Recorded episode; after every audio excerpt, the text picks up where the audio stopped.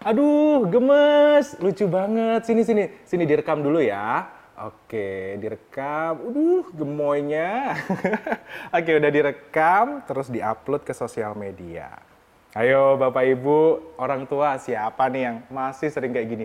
Dikit-dikit direkam, dikit-dikit diupload ke sosial media, bahkan nggak jarang ada juga yang bikinin sosial media atas nama anaknya sendiri biar bisa ngeposting konten-konten anaknya. Hmm, kira-kira bahaya nggak sih kayak gitu? Dan apa aja dampaknya bagi kesehatan mental si anak? Penasaran? Yuk kita cari tahu. Anak kecil memang objek foto dan video yang menarik Wajahnya menggemaskan, tingkah lakunya lucu, belum lagi celotehnya yang kerap mengundang tawa. Kebanyakan orang tua pun berkeinginan membagikan momen berkesan bersama anak lewat media sosial. Penyanyi Raisa dan influencer Tasya Farasya termasuk orang tua yang kerap membagikan momen bersama anak di media sosial. Meski begitu, mereka tidak menunjukkan identitas fisik sang anak secara utuh sisi lain, pembuat konten seperti Jazz No Limit secara jelas menunjukkan wajah sang anak. Jika dilihat di kolom komentar, ada sebagian orang yang menganggap Jazz terlalu mengeksploitasi bayinya yang baru berusia satu tahun. Membuat konten bersama anak memang bisa mengundang tanggapan positif ataupun negatif. Semua kembali pada kebijaksanaan orang tuanya karena memang dia seorang public figure yang memang lahir dari konten sebenarnya itu memang haknya dia ya Pak ya. Tapi kalau materi kontennya mengenai anak menurut saya itu sudah lebih baik tidak gitu karena memang ini nanti akan berpengaruh pada tumbuh kembang si anak. Jadi uh, boleh sih diekspor tapi ya jangan berlebihan gitu.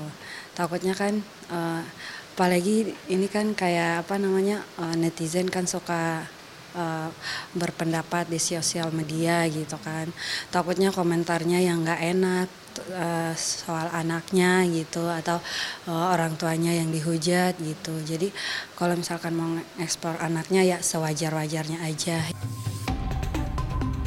Pembuat konten Bunga Ayu yang sering mengangkat tema edukasi di akun media sosialnya mengaku membuat konten untuk berbagi pengalaman dengan sesama ibu baru.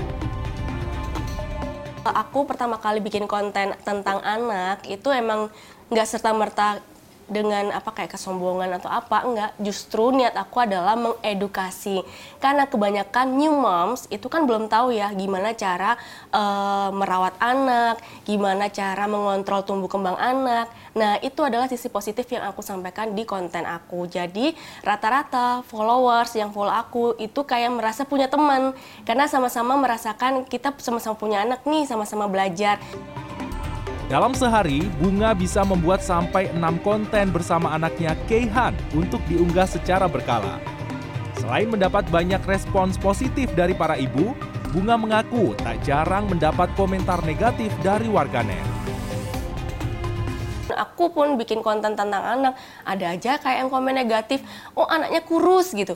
Kan kadang kayak ngapain sih komen kayak gitu padahal kita sama-sama moms ya udah saling support aja. Jadi aku lebih takutnya nanti mengarah ke kesehatan mental anak aku sendiri sih gitu. Psikolog Irma Gustiana mengatakan, pembuat konten perlu memperhatikan kesiapan mental saat memutuskan berinteraksi di media sosial.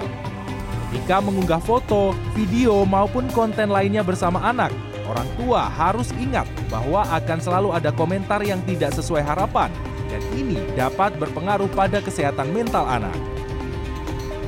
Belum lagi jika anak kelelahan karena diajak membuat konten terus-menerus atau dalam waktu yang lama. Kelelahan ini bisa memicu tantrum. Kalau sudah mentalnya merasa capek karena ada tuntutan mau nggak mau bikin konten setiap hari untuk mengimprovisasi kegiatan hariannya, ya pasti akan menimbulkan efek psikologis lain ya jadi tantrum mungkin kalau sama anak-anak balita yang biasanya terjadi kehilangan motivasi ya terus kemudian kehilangan nafsu makan gelisah atau sulit tidur ya karena mungkin waktu istirahatnya jadi berkurang Membuat konten bersama anak memang menyenangkan. Orang tua bisa lebih dekat dengan anak karena sering berinteraksi bersama. Belum lagi jika ada tambahan keuntungan finansial yang menyertainya. Psikolog Irma Gustiana menyarankan, sebelum membuat konten bersama, sebaiknya Anda sudah berkomunikasi dengan anak tentang kesediaannya untuk ikut membuat konten. Pembuatan konten juga jangan sampai mengganggu waktu belajar, bermain, dan istirahat anak. Setiap anak memiliki hak privasi seperti kegemaran, kebiasaan harian, juga lokasi sekolah dan kursus, orang tua perlu menghindari publikasi informasi pribadi anak untuk mencegah tindak kriminal pada anak. Jadi bagaimana? Apakah Anda tetap ingin membuat konten media sosial bersama anak? Pastikan Anda tetap bijak dan bertanggung jawab dalam membuat konten. Freddy Cahya, Softan Herdiagama, Jakarta.